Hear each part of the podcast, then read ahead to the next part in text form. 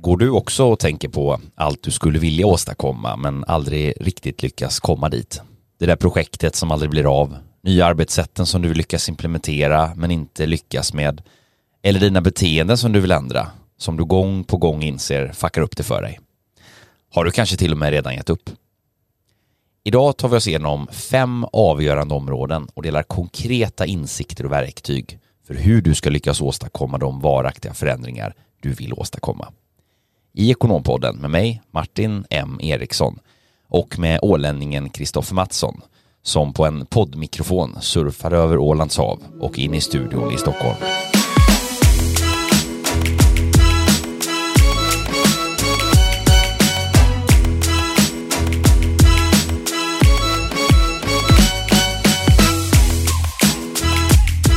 Ja, vad kul att vara här igen. Helt underbart att vara här igen. Mm, och äntligen får man ju säga är jag klar med min renovering i köket. Är den helt färdig nu? Nu är den så gott som färdig. Jag tror det är nästan ett år sedan som första eh, spadtaget togs tänkte jag säga som eh, den här, du minns ju våra Första borrhålet. Första borrhålet ja, när badrumsprospekteringen eh, inleddes och eh, när det har varit eh, två, tre olika firmor inblandade i den här entreprenaden. Det har varit ett, ett äh, ångestfyllt oväder. Så men... mycket illamående jag har hört från ditt håll om det här. Ja, och jag minns dock då, eh, precis som det vore idag, att jag satt där och vi hade något avsnitt också tror jag när jag pratade om eh, hur besvärligt det var när snickare aldrig kommer i tid. Men just hur den här mentala terrorn eh, var liksom låg, låg som ett tungt täcke över mig. Men så sa jag det att jag vet ju hur liksom bra, när slutresultatet blir bra så kommer man ju ha glömt hur faktiskt illa och jobbigt det var under tiden. Mm. Precis så känns det nu, nu är man ju jättenöjd med resultatet. Eh, och det här vittnar ju lite om en av mina absolut främsta egenskaper också som är prokrastinering, även om det har varit ja, lite eh, dispyter med, med att få till det här, eller dispyter ska jag inte säga, men, men det har tagit väldigt lång tid och, och sådär. Så är det ju ändå ligger mycket av det på mig att ja, projektet var ju så gott som klart redan i våras. Så nu har det gått då nästan ett halvår innan jag fick liksom sista trumman eh, med ett par reglar och, och en gipsskiva. dit eh, målat och, och, konstruerat. Men nu är det äntligen klart. Gratulerar. Och det firade jag också med att köpa en tavla som jag hängde upp eh, i lägenheten. Mm. En tavlan på ett lejon faktiskt, som ju också symboliserar mitt stjärntecken, så det kändes som extra starkt och bra. Härligt. Ja, jag kommer inte sätta en skorpion på väggen. det hade kunnat vara någonting. Ja, nej, härligt. Det är, det är bara att gratulera. Ja, men eh, tack. Vad eh, har du gjort Martin? Du har varit i Polen. Ja, exakt. Jag har varit i Warszawa. Jag har ju en kusin som bor där eh, och hennes familj. Ehm, så ehm, det var väldigt, väldigt trevligt att hälsa på dem och det var ju faktiskt också finalen kan man säga, eller fredagen innan där var ju finalen på min detoxperiod. Jag hade ju har haft tre vita veckor. Vilket har varit eh, riktigt intressant. Den här gången så, så jag brukar jag köra det lite så mellan varven ibland, man bara tar en vit period bara för att rensa ur systemet lite och eh, även träna lite på sin relation till sig själv eh, och, och, sin attityd till sig själv. Eh, men förvånansvärt faktiskt, otroligt enkelt att vara helt, helt nykter. Alltså jag har varit i väldigt mycket sociala sammanhang och ju inte druckit någon alkohol och eh, inte faktiskt heller känt något, något sug överhuvudtaget trots att det varit väldigt mycket folk runt omkring som har tyckt att det varit kul att trycka på och även eh, ja, dricka själva. Mm. Ja, det kommer vi prata om lite senare här idag också, men det är väldigt intressant det där och det ligger någonting i ordspråket att det går faktiskt att ha roligt utan alkohol. Ja, det, det gör det faktiskt. Ja, Eh, uh, ja, uh, eh, vi ska inte prata om vädret brukar vi ju säga, men vad hade vi? Det var förra lördagen tror jag. Det var ju helt fantastiskt. 16 grader och strålande sol i mitten på november. Det är ju helt oresonligt. Och då hade jag som projekt faktiskt den lördagen att jag skulle byta ut då sommar och höstkläder till vinterkläder. Så det var lite komiskt då att det var varmaste dagen nästan på flera, flera månader. Men uh, nu går vi ju mot, ja, kommer snart behöva avrunda det här året och i söndag står fotbolls-VM igång också, det här omtalade i Qatar. Mm. Det, ja, det är mycket som händer. Det är ju det, nej verkligen. Och idag då, vad ska vi prata om idag? Idag ska vi prata om, eh, ja men massa spännande grejer, mentala hinder och lite hur man kan, eh, vi pratar mycket om liksom förändring och det här föränderliga landskapet. Vi, ja, eh, det, det, är framtidens ekonom, det är framtidsyrken, det är hållbarhetsredovisning, hållbarhetsrapportering och hållbart företagande. Och du ska ha ett growth mindset och du ska kanske jobba med employer branding och du ska behålla dina medarbetare inom teamet och utveckla dem och jobba med ditt eget självledarskap. Och du ska bli mer relevant i KPI-erna och så kanske du ska svara inför börsen nu att eh, varför siffrorna gör som de gör och på kort sikt så vill ägarna se eh, diverse och du kanske vill göra långsiktiga investeringar i struktur i organisationen eller samtidigt som du ja, men brottas med, med livspusslet hemma. Eh, du har ditt bread and butter, du ska få ihop träning och barnhämtning och lämning och det är löss på förskolan och det är en diskmaskin som krånglar och det är grannen bredvid dig som, som stör dig mitt i rapportskrivandet och det är Instagram-notiser och du har dubbelt bokat dig på julfesten. Det är mycket på en gång. Ja, det är ju det. Och vi, vi har ju problemmålat ganska mycket och gett lite tips och tricks på vägen i våra vi har ju lite nedslag med jämna mellanrum när vi pratar lite om ja, det här med personlig utveckling och, och, hur man kan jobba och tänka och förhålla sig till de här sakerna. Och idag tänkte vi faktiskt då bjuda på fem konkreta tips hur man kan förhålla sig till det här och liksom åstadkomma den här varaktiga förändringen. För vi pratar mycket om, men nu som framtidens ekonom, hur ska du kunna kompetenssäkra dig till exempel, framtidssäkra din kompetens som ekonom. Och hur ska man då kanske integrera eller implementera det här affärssystemet eller arbetssätten på, på avdelningen? lite tips och tricks konkret idag och då är det du Martin som ju har fått väldigt, väldigt mycket inspiration och ett, ett av dina hjärteämnen som kommer köra lite, jag modererar och du kommer köra lite föreläsning här för oss idag. Ja, så skulle man nästan kunna uttrycka det. Nej, men det är som du beskriver, det är ju väldigt mycket som ska ihop på samma gång. Ehm, och ehm, vi ska försöka bena ut det här inom, inom ett antal områden. Det, det här är ju ett ämne som jag är väldigt intresserad av ehm, eftersom det ju handlar om någonstans Eh, förmågan till utveckling och förändring av både en själv och sin organisation och sitt team och så vidare. Och, Ehm, för, att, för att uppnå nya resultat ehm, oavsett vad det än handlar om, oavsett om det är rena personliga frågor eh, eller om det är praktiskt då i, i en yrkesutö ens yrkesutövning så grundar det sig någonstans i våra beteenden och, och, och då krävs det beteendeförändring eh, och det är ett ämne som ligger mig varmt om hjärtat.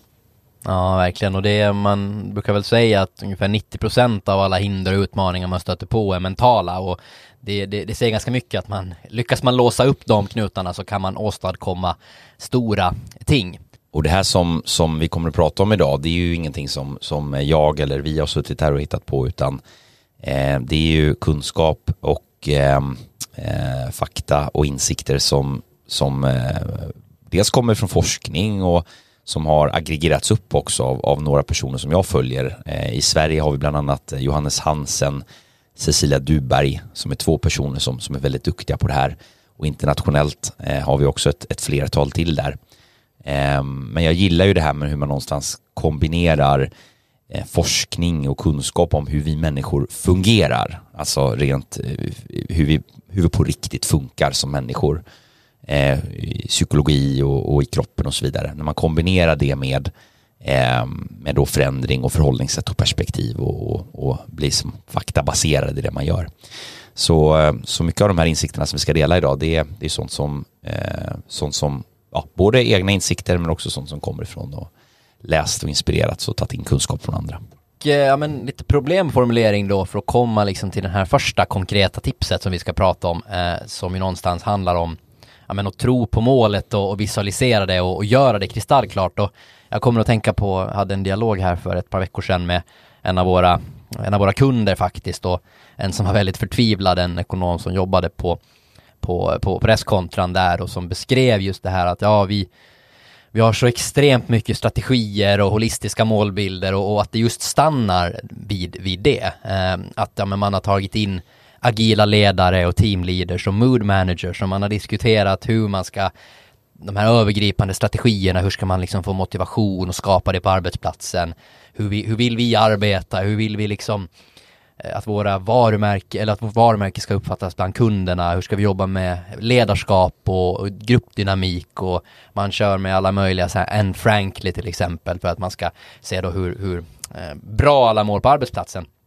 Och det händer liksom ingen, ingenting, det, det, stannar just där och då. Man, man sätter de här stora ambitiösa målen men kommer ingenstans. Mm. Det här är nog väldigt, väldigt vanligt. Tror man på det då? Det kanske man gör, men det blir ju någonstans ett för stort steg, ett för stort kanske glapp mot var man är idag, dit man kanske vill komma. Så tror man på det? Ja, gör man det? Ja, exakt. Tror alla på det? Ja, det är ju någonstans i den här måldefinitionen och, och eh, övertron på det som det inte fungerar i alla fall, som det, lite li, som det inte lirar. Nej, exakt. Och det är väl det första tipset som, som vi kom in på då, men just att, att se det väldigt, väldigt kristallklart och väldigt tydligt framför sig. Ehm, därför att ju mer diffust någonting är, desto, desto mer, ju mer okonkret någonting är, desto mer svårt är det att riktigt dels agera i linje med det och, och eh, tar ett exempel, men vi ska bli mer, eh, vi ska bli mer eh, omvärldsorienterade. Ja, men vad betyder det? Nej, eh, vi ska varje vecka, eh, en gång per vecka, sitta och dela insikter om vad som händer i omvärlden och hur det påverkar oss med varandra i teamet. Och vi avsätter 30 minuter för det. Där är vi konkreta. Och det blir till och med mätbart. Det blir till och med mätbart. Eh, så att det är ju att, att, att, att se det här målet väldigt kristallklart, att, att bryta ner den här målbilden och göra den konkret. Vad, vad innebär den? Alltså beskriva den. Eh, och, och, det här kan man ju göra på olika sätt. Eh, ett sätt är ju att, att sätta upp så här visualiserade målbilder om vart är vi när vi åstadkommit det här? Var någonstans är vi då? Eh, hur, hur, hur jobbar vi? Hur funkar vår verksamhet? Eller hur ser min vardag ut? Eh, hur känns det? Hur ser en dag ut? Hur ser en vecka ut när vi har nått de här målbilderna? Eh, och när vi gör det här, den här övningen så behöver vi ju inte alltid veta om hur vi ska nå dit. Det, det, det, när vi sätter målet så är ju huret inte intressant utan det är ju först och främst att definiera vad. Eh, och utifrån det få, få på plats rätt kontext med rätt människor i omgivningen och, och beskriva det, hur det ser ut och eh, sen våga gå efter det våga också lita på och ha en tillit om att man, att man kommer att kunna nå dit. Eh, därför att om man, om man själv inte tror på någonting så är ju också sannolikheten ganska stor att man ju faktiskt inte kommer agera i linje med den, det målet man har utan man kommer agera i linje med den övertygelsen man har. Och du är lite inne på det, men kan du lite mer konkret beskriva då om man kommer in som agilledare eller mood manager till den här avdelningen och på något vis ska sätta en, en konkret handlingsplan mm. för då teamet eller för den som kanske ska hjälpa dig att implementera den här mm. nya omvärldsbevakningen eller vad det nu än man vill uppnå. Vad, vad, vad gör man och hur, hur, var sätter man första spaden liksom? Och så är du agilledare eller mood manager och så säger du någonting till mig som jag ska göra. Eh, och jag är en del av det här teamet och jag ska göra det här. Men jag tror inte på det själv. Eh, då kommer jag inte göra det i den utsträckningen och i den omfattningen och på det sättet så att det faktiskt blir verklighet. För att det linjerar inte med den övertygelsen jag har. Utan vi måste, ju, vi måste få var och en av oss, både oss själva om det handlar om någonting du själv vill åstadkomma och liksom väl andra personer. Eh, om det är ett team eller ett företag, det handlar om att tro på det här, den här målbilden. Och, och därför blir de här visionsvisualiseringsövningarna så otroligt viktiga. För att om du själv inte tror på någonting så kommer du inte agera. Men vi tar ett exempel. Eh, vi tar exemplet med att du, eh, eh, du, du är på gymmet och du eh, ska göra en övning. Du vet vilken vikt du har. Så säger någon, men du lägger på fem till, det fixar du. Nej, men det, det tror jag inte på. Då kommer du inte ens utsätta dig för chansen att ens pröva.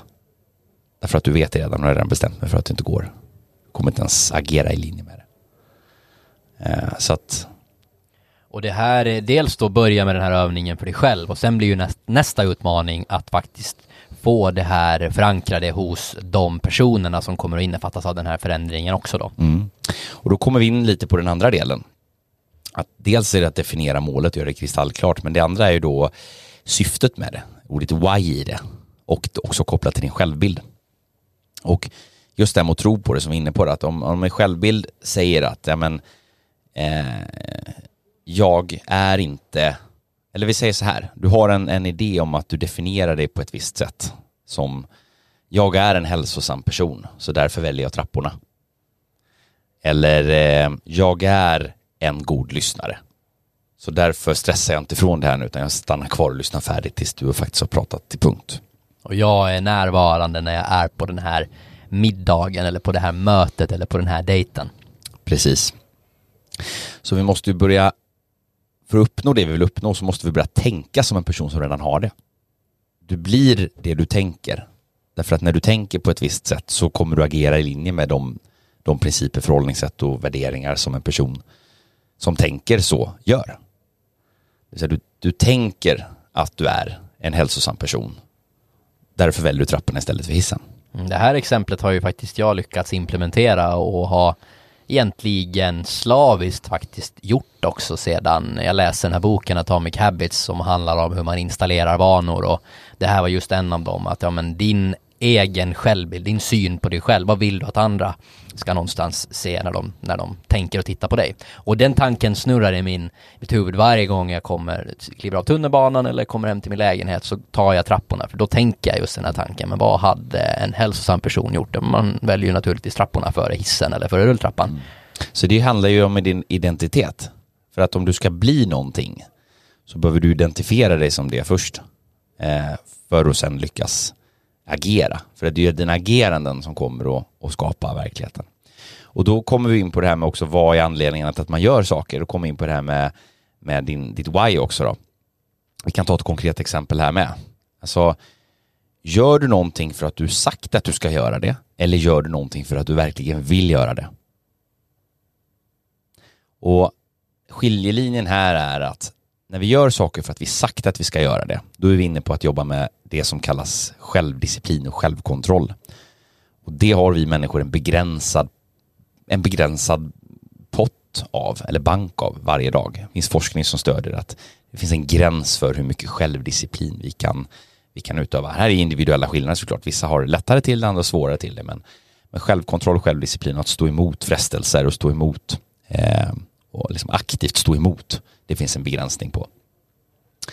Ehm, Medan när vi är inne på att göra saker som vi vill göra, vi har liksom ett, ett djupare syfte med det.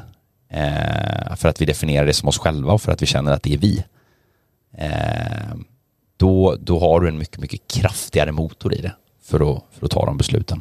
Och det här gissningsvis också kan ju skilja sig åt beroende på vad man är i just då i livet. Man brukar ju prata om den här runda cirkeln eller en fyrfältare med olika saker som är viktiga för dig. Då kanske det är relationer, jobb, familj, träning, affärer eller vad det nu än kan tänkas vara. Och det där kan ju också förskjutas. Men jag tänker bara för att leda in på ett konkret tips igen. Hur ska man liksom hitta sitt why och vad som är viktigt här? Och finns det någon övning eller någonting man kan, man kan tänka sig för att få lite hjälp på vägen? Ja, men det, ditt why är ju en annan fråga.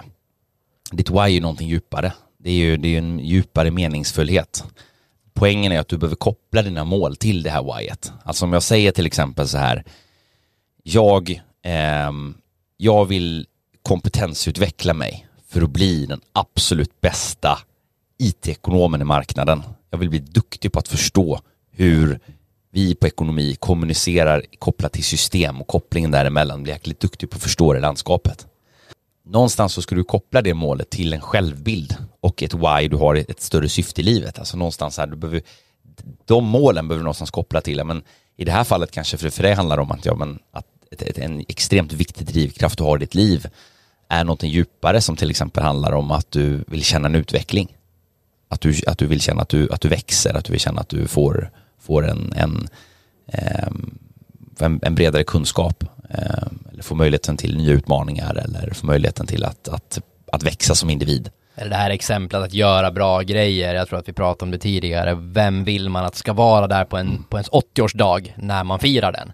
Eh, vilka är där och vad kommer de att säga till dig om, om, om i ditt 80-årstal? Ja, exakt. Nej men så whyet är, är, är ju det som någonstans driver, driver liksom det på ett värderingsmässigt plan. Och att, att, ta, att, att, att förankra sina mål i sitt why, det är ett väldigt kraftfullt sätt att, att hitta. Och det var egentligen det jag var ute efter då i början när jag pratade just om den här fyrfältaren. Det kanske egentligen handlar mer om prioriteringar och det kommer vi komma in på. Men just det här med hur ska man hitta rätt i sina värderingar. Man måste ju börja där någonstans. Vad, mm. vad vill jag åstadkomma? Om man liksom tänker den då, fast värderingsmässigt istället.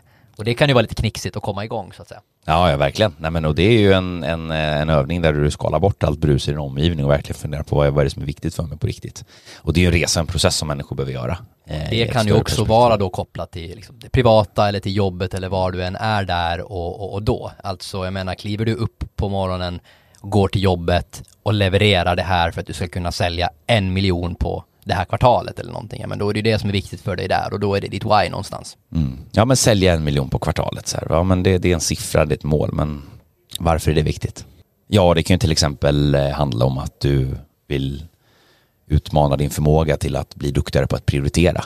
Det kan linjera, det kan vara så till exempel, ja, men jag ska sälja, jag ska sälja fem miljoner och sålde för en halv miljon förut samma period. Jag ska sälja för en, jag ska dubbla mitt resultat, men jag ska inte jobba dubbelt så mycket utan jag ska bara bli mycket, mycket duktigare i det jag gör en effektiv, mer, eh, en mer eh, värdeskapande person som lägger min tid på rätt ställen. Där har du en why kopplat till kanske då en, en självbild om vad du vill åstadkomma. Och, och, att våga visualisera det här och när man, när man spetsar sina mål och spetsar sina, eh, vart man vill komma på det här sättet så, så kommer den här inre rösten också säga emot.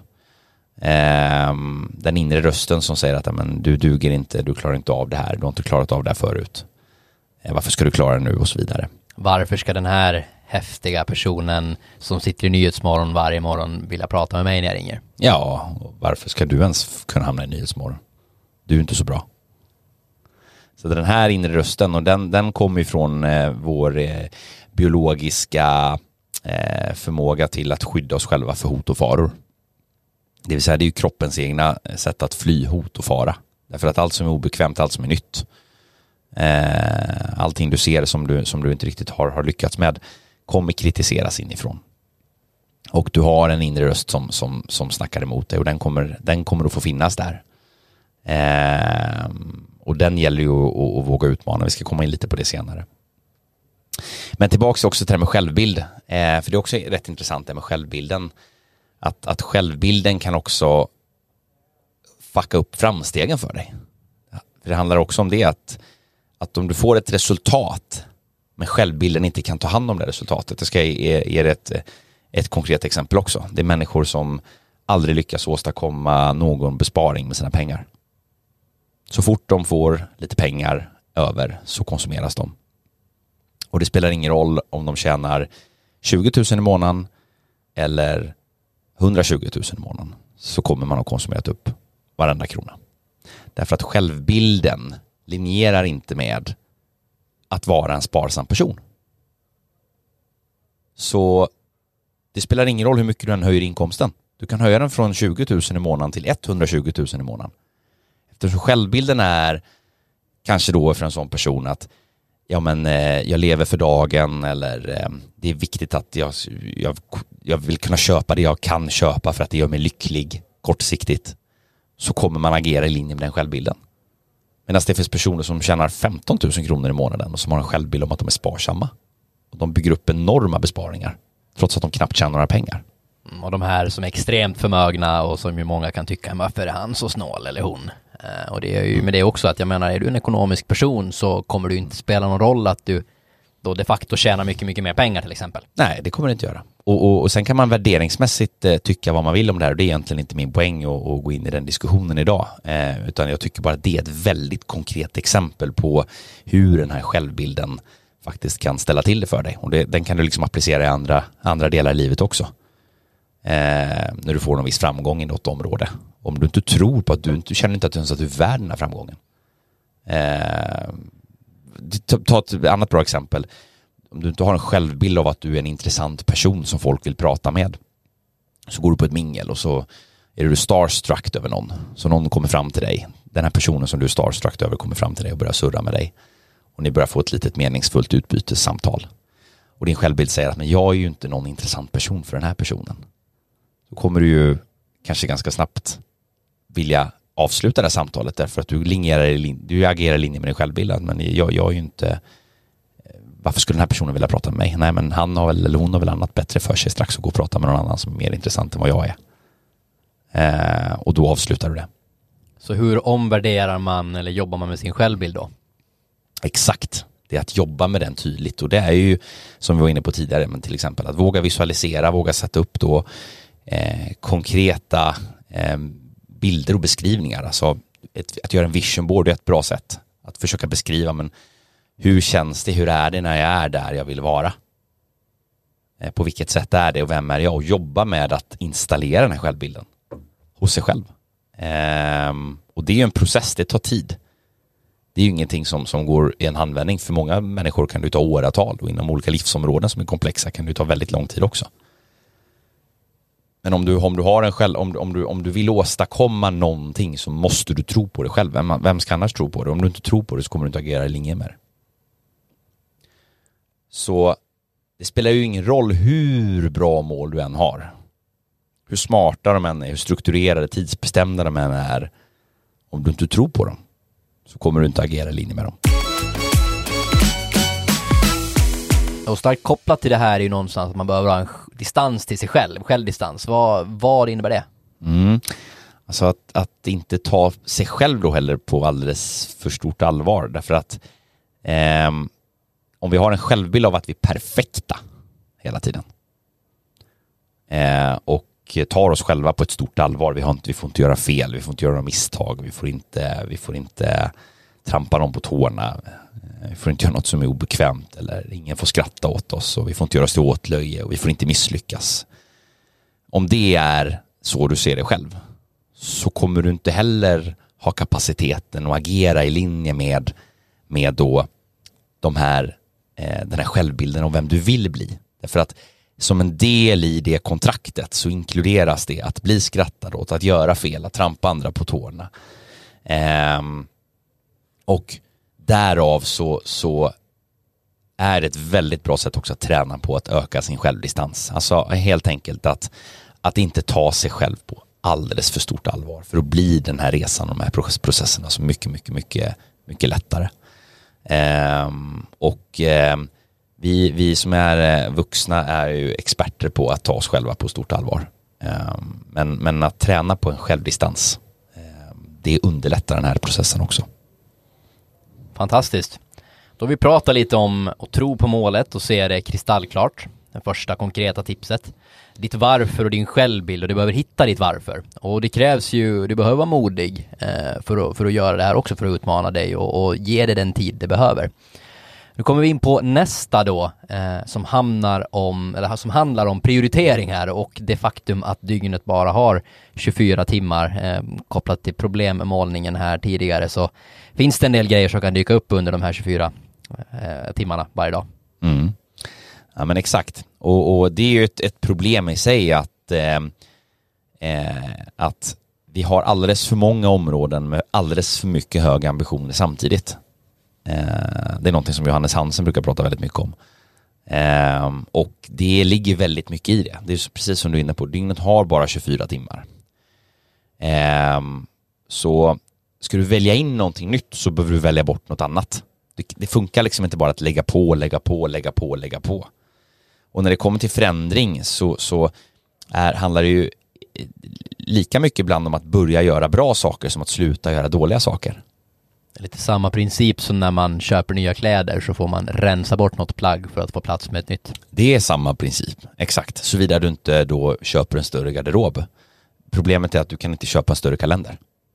Kalendern har bara 24 timmar. Den går inte att ändra på. Det, det, det, det, det är den resursen som alla har lika mycket tid, lika mycket av. Och då kommer man behöva prioritera och göra somliga missnöjda och ledsna över att inte de blir prioriterade. Det är så, därför du kan inte prioritera allt och alla. Och när det gäller förändringar så, så är ju det någonting som kräver energi och kräver, kräver eh, resurser av dig och, och, då kan du inte förändra alla områden på samma gång utan vi måste börja sätta eh, tydliga avgränsningar för vad är det som faktiskt är viktigt och vilka mål är egentligen viktiga. Och då också kopplat till det här att det är ingen idé att sätta mål i sånt som du inte har bestämt dig för att göra. Massvis med människor har mål på olika ämnen. De mål att de ska göra det och mål att de ska göra det. Och ambitioner om dit, ditten och datten. Men sen har de inte riktigt bestämt sig fullt ut. Och i värsta fall tror de inte ens på det. Ja, lite mer konkret då, hur vet man vad som är viktigt och hur börjar man med den här prioriteringsordningen? Vi har ju pratat lite om prioriteringar tidigare och time management. Mm, men det vet ju bara du själv. Jag kan inte tala om för dig vad som är viktigt. Och de människorna som kan tala om för dig vad som är viktigt, de, de ska du inte lyssna på. Och det det här också ger dig är ju en extrem insikt i att du kanske inte blir bortvald på grund av att någon inte svarar på ditt mail eller har möjlighet att ta ditt samtal utan om du jobbar på det här på egen hand så kommer du få en större förståelse för andra och deras prioriteringar också. Ja, de väljer ju inte bort det för att de inte tycker om det nödvändigtvis. Det är bara att du inte är tillräckligt viktig just där och då för deras prioriteringar eller mål. Eller så har de bara inte gjort jobbet så att eh, de hinner helt enkelt inte. Egentligen är du viktig men de har inte valt bort annat oviktigt för att kunna lyssna på dig i och med att du är viktig. Så kan det också vara. Men du har inte koll på andra människors agendor utan du kan bara äga din egen. Eh, men, eh, men du behöver göra dina prioriteringar, du behöver ställa dig frågan vad är det viktigaste för mig just nu? Vilka tre projekt eller vilka mål är de viktigaste just nu och varför? Och bara för att någonting är viktigt så betyder det inte att något annat är oviktigt.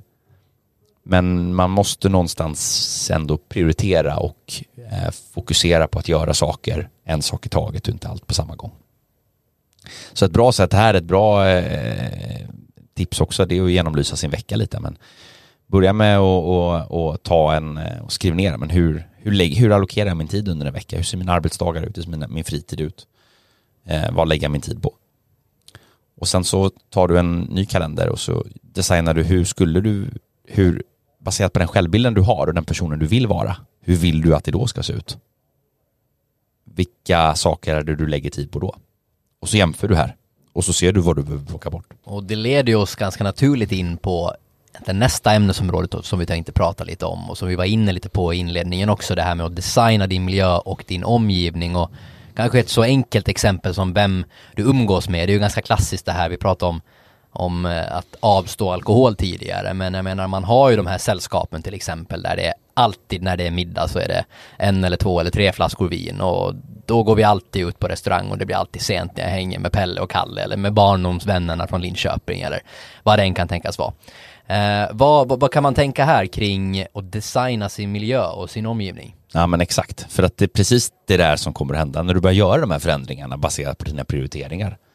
Baserat på den här kalendern om hur veckan ser ut idag och hur du vill att det ska se ut när du lever i linje med hur du vill, hur, när du lever i linje med din självbild.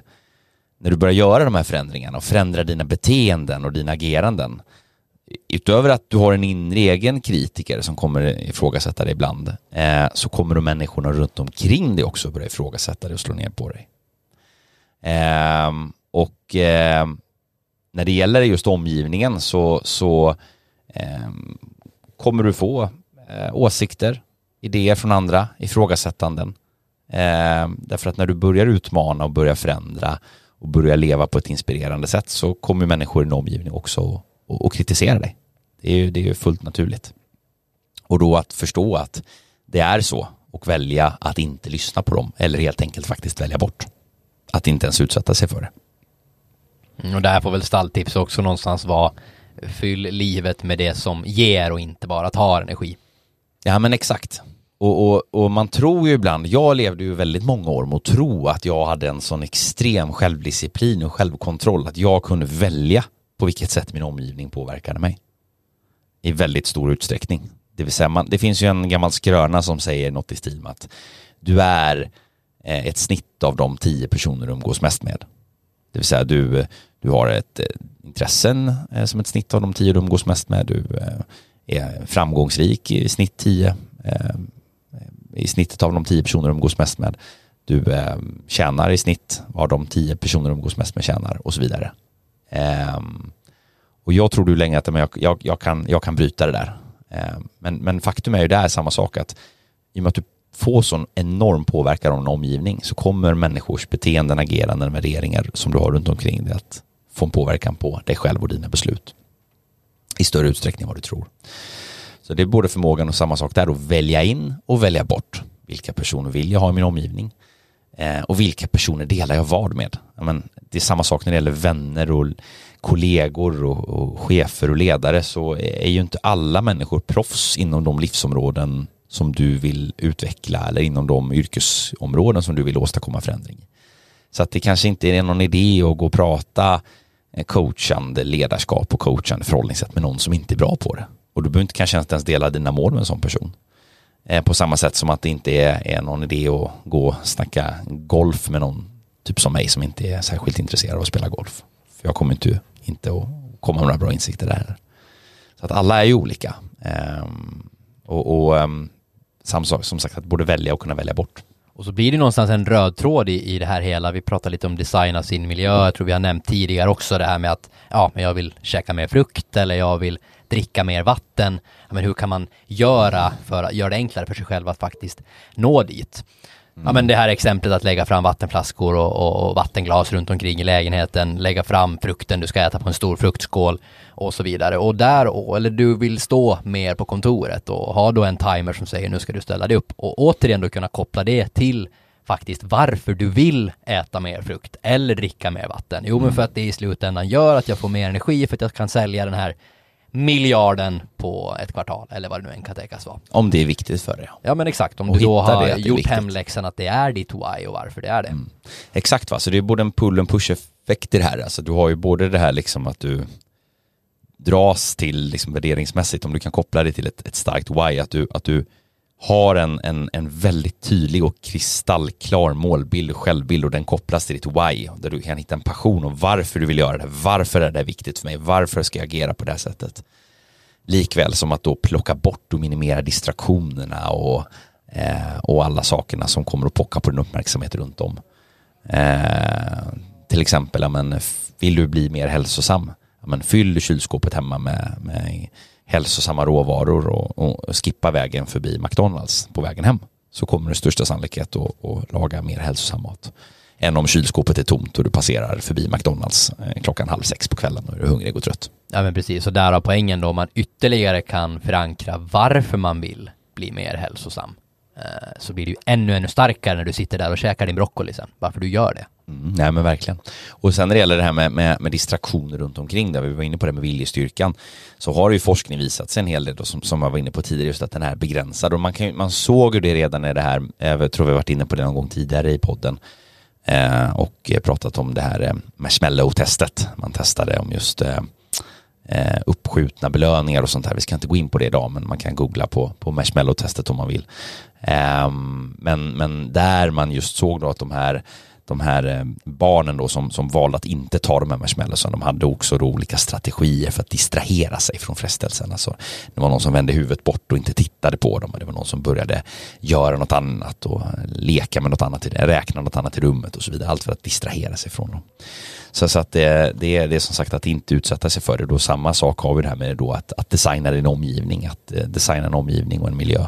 Och då kopplat också till relationer. Eh, att, att hitta och identifiera dem som är viktiga för dig och de som stärker dig i det. Eh, och vi pratade i inledningen här om eh, men, mentala hinder och utmaningar och rädslor är mm. ju en eh, stor sån här eh, puck. Alla dessa tankar som dyker upp varje dag. Vad, mm. vad gör man när man får en skrämmande tanke? Ja, alltså först och främst så är det så här att det är som du beskriver, de, de dyker upp där och de kommer alltid att göra det. Ehm, och nyckeln är ju inte att få dem att sluta dyka upp utan nyckeln är ju att inte vara rädd för dem eh, och att inte agera på dem.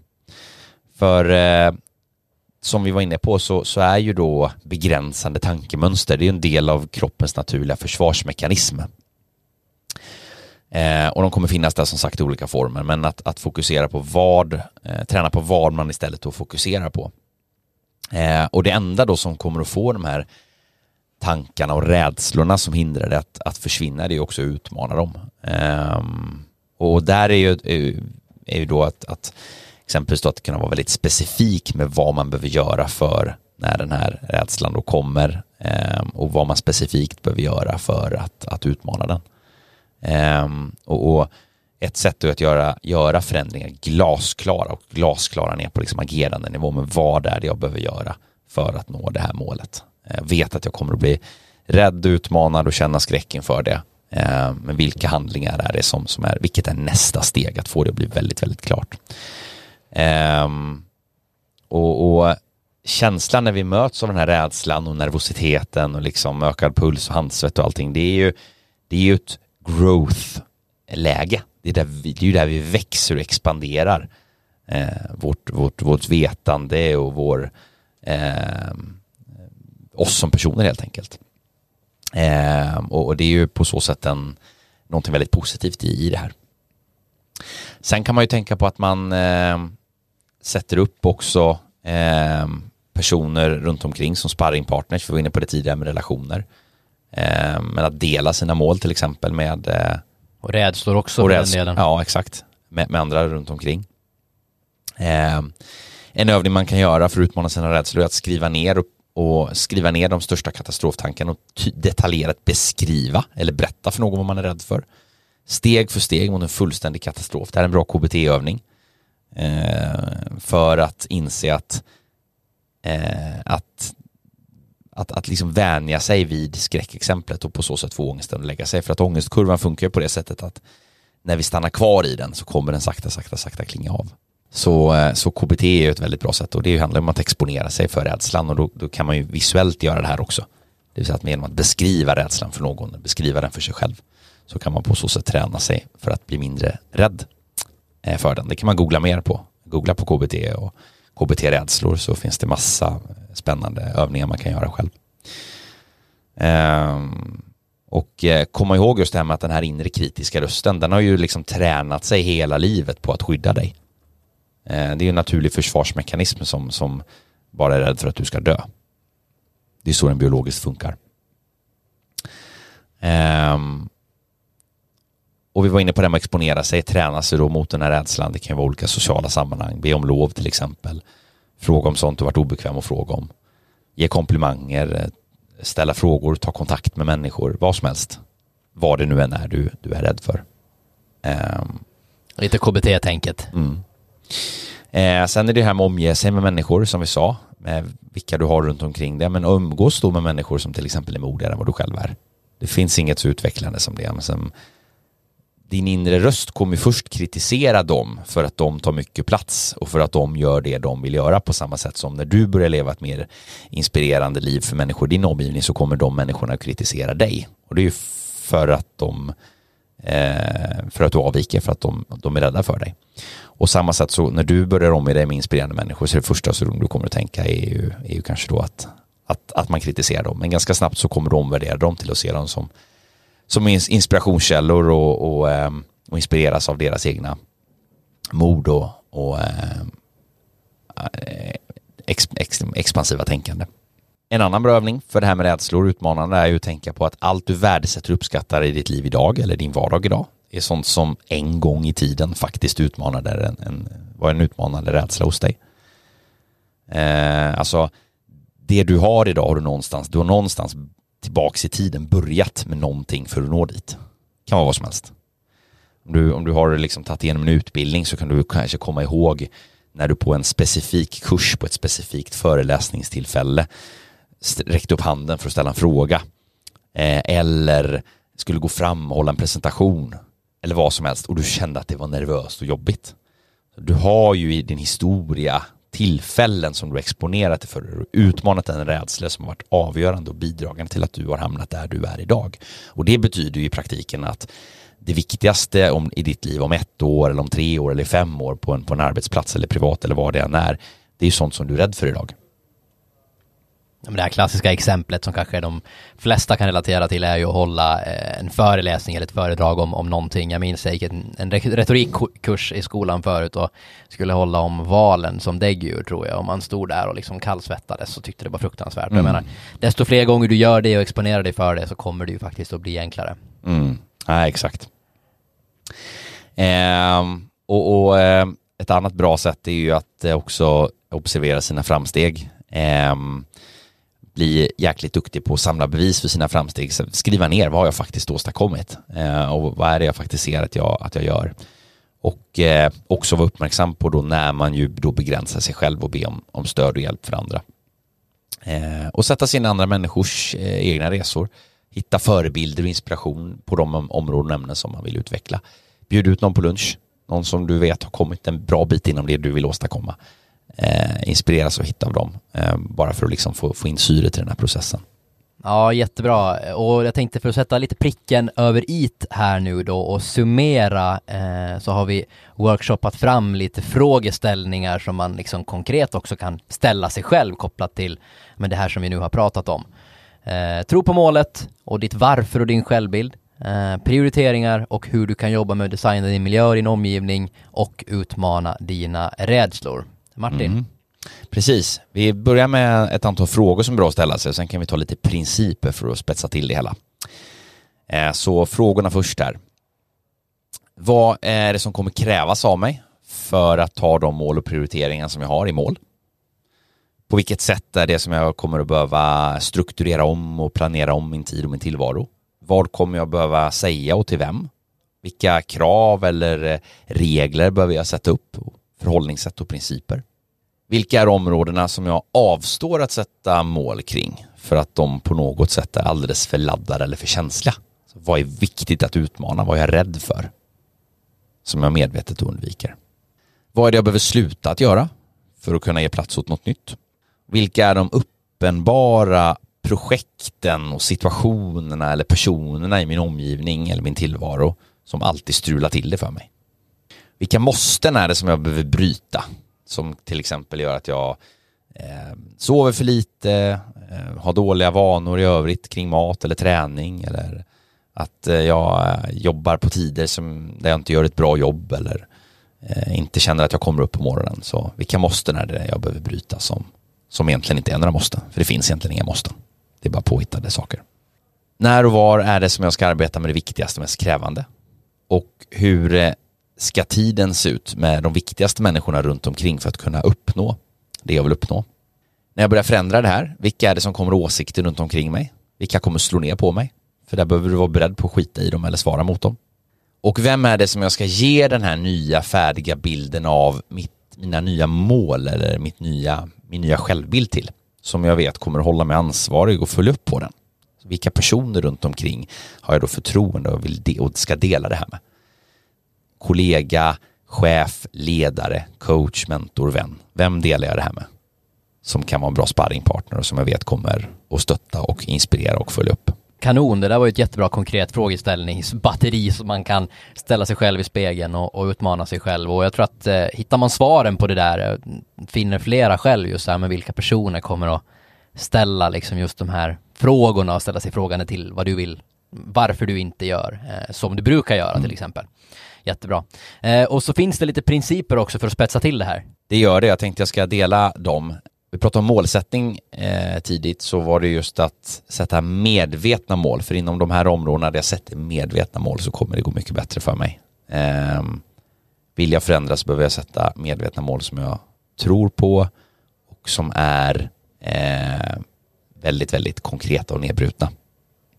Och där också kanske för att börja lite enkelt, inte liksom, ja, men det här klassiska, jag ska börja träna, ja men det är rent krasst bättre att du klär på dig, snör på dig skorna och går till gymmet än att du inte gör det överhuvudtaget eller att jag ska sluta snosa på morgonen. Ja, men börja där då och sätt liksom inte det här att jag ska bli en hälsosam person kanske direkt och sätta målbilden att du ska träna sju dagar i veckan. Du måste ju tro på att du ska vara en hälsosam person. Självbilden måste vara det.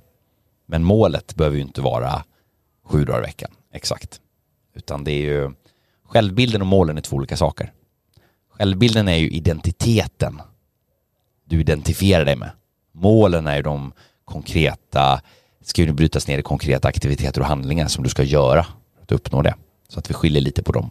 Och områden där du tidigare har satt mål där det inte har fungerat, där du inte har lyckats, så har du ju antingen Eh, inte brutit ner dem tillräckligt mycket i konkreta handlingar, du har inte gjort det tillräckligt konkret. Eller så har du bara satt mål som du helt enkelt inte har bestämt dig för att uppnå. Och eh, där är ju principen, sätt inga mål om du inte har bestämt dig för att uppnå dem. Eller ska du sätta målet så ska du också bestämma dig för att du ska uppnå det. På riktigt bestämma dig. Uppnå en relation till en människa som har uppnått dina mål. En bra princip. Så hitta personerna som sagt. Vilka är det? Vem är det? Som jag kan inspireras av som har gjort det här. Eh, tydlighet i dem, vi var inne på. Just att de är enkla att förstå, målen specifika och väldigt gärna tidsbestämda. Eh, en del områden är också så svåra att sätta mål i, som till exempel så här, men hur ska det kännas eh, när, jag, när jag är på jobbet och jobbar i ett projekt eller liknande. Alltså känslomässiga målsättningar. Då.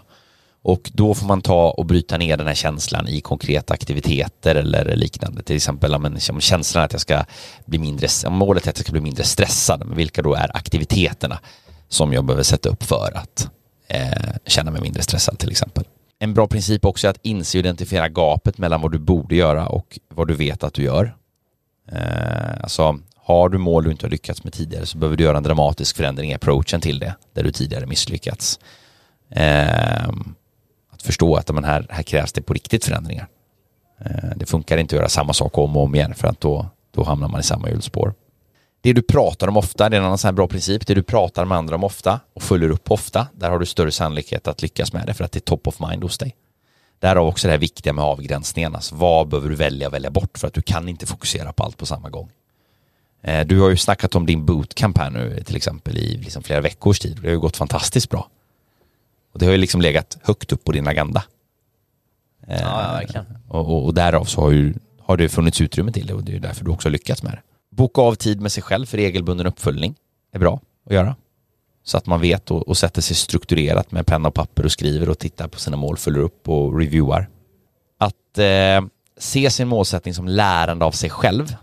Om lärande om utveckling och vad man tycker om och trivs med och vill upptäcka och bli duktigare på och så vidare. Är ju också någonting som är bra, det vill säga att, att definiera, det har ju också med det här med självbilden att göra, att amen, eh, att vara lite mjuk när man sätter upp ett mål så kan ju en del av det här målet också vara att det finns ett growth Du pratar om growth mindset mycket, att, att, att exponera sig för nytt och nya insikter och nya upplevelser och nya erfarenheter. Så att man inkluderar lärandet och den processen eh, och växandet som en, som en del av, av det man, man sätter upp. Jag tycker också någonstans att det handlar, eller ganska viktigt att nämna också, som du kanske kommer till, med just att fira framgång någonstans. Att men när man har uppnått ett delmål eller lyckats åstadkomma någonting faktiskt och ge sig själv en klapp på axeln, den här klassiska, ja men nu lägger man liksom gem från, från en skål till en mm. annan och när jag har ringt hundra samtal då är jag liksom klar med det delmålet och då går jag ut och, och firar det på något vis. Exakt, ja, men verkligen, det är som vi var inne på, just att observera sina framgångar och de framsteg man gör och gärna fira dem. Jag tycker vi människor är överlag alldeles för dåliga på att fira saker.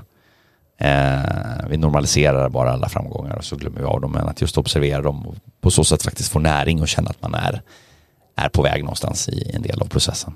Mm. Vi ska till exempel fira Ekonompodden här ikväll. Det ska vi, vi göra. Middag. Eh, Tillsammans med vår eminenta eh, producent, producent som tyvärr kommer att lämna oss nu. Det stämmer. Eh, så vi ska ha en fin, fin, ett fint firande och en fin avtackning. Ser vi fram emot.